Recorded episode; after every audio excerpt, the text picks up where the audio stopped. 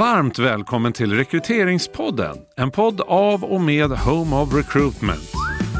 Den här podden är för dig som rekryterar, sällan, ofta eller jämt. Här får du tips, idéer och råd. Allt för mer rättvisa och träffsäkra rekryteringar. Varmt välkommen till Rekryteringspodden. Idag så är det jag, Josefin Malmer, tillsammans med Anki Stavefelt. Hej på dig! Hej! Hej, läget? Hej alla lyssnare. Det är varmt Det är när vi spelar in varmt. det här. Ja. Det är en av de varmaste dagarna i augusti som man kanske vill tänka tillbaka på när man lyssnar på det här avsnittet. För då är det nog inte lika varmt. Då är det inte lika varmt. Då längtar man tillbaka till den där bastun. Eh, Som vi har nu. ja. Och vi kan ju inte ha AC'n igång heller när vi kör inspelningen för det låter för mycket så nu är det verkligen. Svettigt. Ja, men eh, bortsett från att du är varm, hur mår du annars? Jo, men jag mår ju bra. Och det är ju så himla roligt att få vara tillbaka här i studion och prata om rekrytering. Ja. Och eh, idag så ska vi ju faktiskt prata om några olika områden som vi har identifierat att verksamheter som vill rekrytera själva ofta har en förbättringspotential inom. Ja, precis. Här brukar det finnas grejer man kan skruva på. Och, Ja. så, och ganska liksom snabbt få till en stor förändring, Ja, tänker jag. precis. Ja, bra. Vilket är det första området, Anki? Ja, men jag skulle vilja nämna det eh, superviktiga som faktiskt handlar om att väldigt många som vi träffar gör ju saker, gör ju rekrytering så som man alltid har gjort det sen förut, sen många år tillbaka. Det vill säga, man jobbar med eh, att ta in personligt brev och CV från alla kandidater. Man har exakt, i princip, eh, eh, i varje fall exakt samma process oavsett vilken roll man rekryterar till. Och som är väldigt traditionell. Och, och om den innehåller tester så kanske det görs på slutkandidat. Eller två slutkandidater. Därför att man tänker kanske att tester är dyrt och det är så här har vi ju alltid gjort därför att och så. Så att skrota den gamla processen, ifrågasätt det ni gör och ehm, se över hela sättet att rekrytera på, helt enkelt. För det är otroligt vanligt att man gör det på det här sättet som man har gjort de senaste 20 åren. Och det är inte konstigt. Nej. Man behöver liksom inte skämmas för det. Men att man verkligen ser på den med nya ögon. Och där är det ju ofta en bra idé att börja med att titta på en av de rekryteringsprocesser som man... Alltså en rekrytering som man vanligtvis hanterar och grotta ner sig i kravprofilen för den. Och liksom verkligen jobba igenom den. Så här, Okej, om vi nu verkligen på allvar går igenom vad är sånt som man bara måste ha med sig in i den här rollen för att kunna hantera den och vad är sånt som faktiskt bara står med där i den här gamla kravprofilen av ja, av, Som ofta inte ens Nej, finns. nej men liksom av gammal slentrian. Det är så lite floskler och lite sådana saker. Och sånt som, ja men det kanske var aktuellt då, men det är faktiskt inte kritiskt längre. För nu har vi möjlighet att göra så här. Det där eh, programmeringsspråket är ändå inaktuellt nu och så vidare. Så där. Och verkligen liksom, ja, gå på, på, på djupet kring den här eh, kravprofilen och sen fundera kring, okej, givet nu, nu att vi har landat den här eh, kravprofilen och den ser ut så här, fräsch, ny eh, och, och uppdaterad, hur ska vi då lägga upp den här rekryteringsprocessen? Och börja med en, som du Ja. säger, en rekrytering. En roll som man kanske gör ganska ofta. Och för att det, annars kan man ju tycka att det här blir väldigt stort arbete. Men börja med en roll. Och se hur man kan förändra den. Och ibland kanske det inte är den rekrytering, alltså det kanske inte är till den roll man rekryterar oftast, men det kanske är tillsammans med en del av verksamheten som är extra nytänkande eller som törs eller som har störst utmaningar med att hitta rätt kompetens. Det är kompetensbrist eller alla rycker i samma kandidater. Man hittar en extra motiverad chef internt som är pepp och sugen på att faktiskt prova någonting nytt. Exakt. Bra. Jättebra. Så att, eh, att man gör som man alltid har gjort, det är ett jättevanligt misstag. Vilket inte är konstigt, som Nej. sagt. Men det bör man faktiskt ifrågasätta eh, och, och fundera över. Okej, och sen En- då? Nästa Ja. område? Nästa område som vi ofta ser också, det är att man inte jobbar strukturerat. Att man eh, anpassar processen beroende, eller anpassa intervjun till den kandidat som råkar sitta framför en. Så det blir lite olika intervjuer för olika kandidater.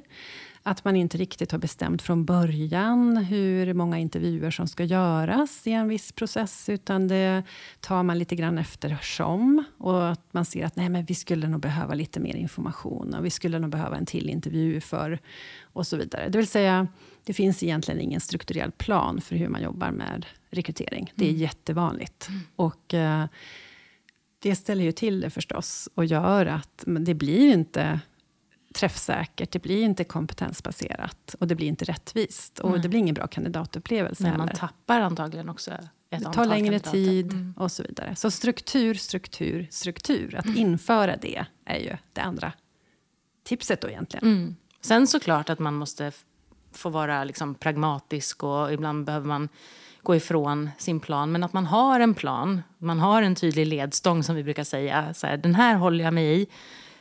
Och då vet jag att det blir bra, rätt och riktigt. Men oj då, nu händer någonting, nu behöver jag frångå det. Men då har man liksom ett, ett aktivt beslut, ett, ett genomtänkt beslut att göra annorlunda. Mm. Eh, så. Men man har den här basen, den här planen som ligger. Exakt. Mm. Bra. En annan, ett annat område eh, som vi ofta stöter på, det handlar om utbildning. Mm. Och det handlar om snarare bristen på utbildning.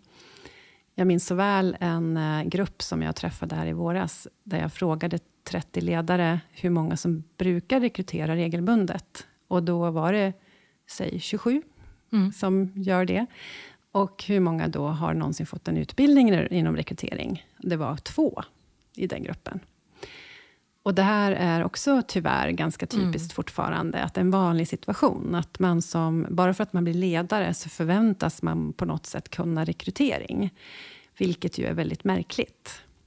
Så att inför, tycker ju vi då, eh, den här om, om, om cheferna ska vara involverade i rekryteringsarbetet, vilket vi ju verkligen är för, så se till att de också får en utbildning. Likväl som att de får det inom svåra samtal eller arbetsrättsliga frågor eller vad det nu kan mm. vara.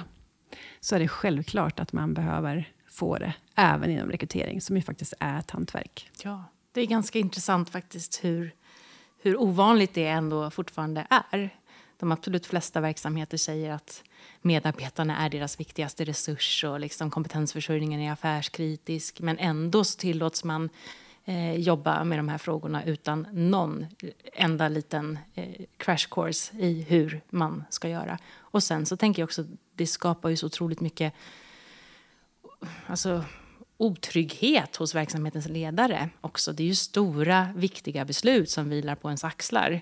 Eh, och det är svårt liksom, att eh, gå in och hålla en intervju utan att man har fått någon eh, utbildning i hur man gör eller att välja vilka som ska få komma på intervju. Det är klart att det blir väldigt godtyckligt och det känns obehagligt. Så mm. det handlar ju också om faktiskt eh, eh, att göra det här för att få chefen att känna sig trygga i sin, eh, i sin roll. Mm. så. Jättebra. Mm. Ha. Ytterligare. Har vi ett fjärde ja. område kanske? Ja, ja, det har vi. Och det är ju då att eh, någonting som vi också ser väldigt vanligt är att man inte mäter någonting inom rekrytering. Man mäter väldigt mycket annat. Och tyvärr så blir det här med rekrytering då istället någonting som är, jag tycker mig se att, jag tror att, eller det här, den här rollen är jättesvår, men det finns inga siffror någonstans mm. för varken time to hire eller hur mycket timmar eller intervjuer som krävs för att faktiskt searcha fram en svårrekryterad kandidat. Det finns inga siffror många gånger. Nej. Så att börja mäta och att börja mäta någonting. Kanske en sak som man ser att organisationen har nytta av. För man ska inte mäta för mätandets skull. Utan hitta en siffra som man ser är relevant att kunna eh, ja, men, att kunna ha och använda sig av mm. inom organisationen. Och det kan ju till exempel vara, ja, men hur lång tid tar det här normalt sett? Att hitta den här typen av profil och anställa den här typen av profil. Ja, men det betyder att vi behöver alltså vara ute ett halvår eller kanske ett år till och med innan vi behöver en ny sådan och sätta igång en process. Mm. Därför att det tar sån tid. till Eller- exempel. Ja, precis. Och antagligen finns där ett, ett gäng liksom, tydliga mål som man har övergripande. Kanske mångfaldsmål. Ja, men då är det också intressant såklart att titta på hur ser fördelningen ut mellan män, kvinnor, olika liksom, etniciteter och så vidare i de här rekryteringarna. Och vad händer om vi gör så här istället? Liksom? Kan vi påverka? Vilken del i processen är det där kvinnorna faller ut? Eh, eller där vi uppenbarligen inte liksom längre får med oss personer som har ett icke-svenskklingande namn och så vidare. Vad, alltså det är ju inte förrän dess att vi har börjat mäta, Mäta. de här sakerna som vi kan på riktigt se eh, vad våra insatser har för eh, Ja, effekt. liksom. Och då kan man ju se att är det attraktionen där det brister, därför att vi får för få ansökningar, om, till exempel, från Mm. ett visst kön till exempel. Eller är det så att vi faktiskt får in en hel del mångfald av olika slag eller kön eller så i eh, ansökningarna, men det händer någonting annat. Mm. Då ser vi också vart behöver vi göra någonting åt saken. Precis. Eh, så att mäta, Mm. och mäta det som är relevant. Och det kan ju också vara en sån sak som att mäta hur många, hur många av våra rekryteringar är faktiskt nya roller. För att de är oftast, de tar längre tid till exempel. Mm. Och är knepigare. Och gör vi då konstant nya roller, då behöver vi inse att rekrytering, det, det, måste, det tar längre tid hos oss än vad det gör när man rekryterar samma roll som man alltid har gjort. Så, så att mäta. Och, Mäta. och det sista området som vi skulle vilja lyfta, och som är, också är oerhört viktigt, och det handlar ju om att faktiskt rekryterings... Att rekryteringen ska upp på agendan i ledningsgruppen. Ja. Och det betyder ju i sin tur att ofta så ser vi till exempel att det finns en HR-chef i ledningsgruppen. Det tycker vi såklart alltid ska finnas. Eh, Och det gör det ofta. Men är det så att man till exempel även har en TA-funktion internt, så tycker ju jag faktiskt att TA-chefen också ska sitta i ledningsgruppen. Därför att det är, då har man det här extra örat som bara fokuserar på affärsplaner utifrån kompetensförsörjningsperspektivet. Och det är det som den här personen konstant kan bidra med och eh, faktiskt då säkerställa att man jobbar strategiskt med sin kompetensförsörjning på ett helt annat sätt än vad man lyckas med om TA inte finns i ledningsgruppsdiskussionerna. För HR har ju ofta, såklart, hundra andra saker man behöver ta hänsyn till utifrån det strategiska perspektivet. Och då är det lätt att just den här kompetensförsörjningsfrågan liksom faller bort och hamnar lite längre ner på agendan. Så att jag tycker att de flesta behöver ha kompetensförsörjningsfrågan i ledningsgruppen på en liksom helt annan nivå än vad man lyckas med idag.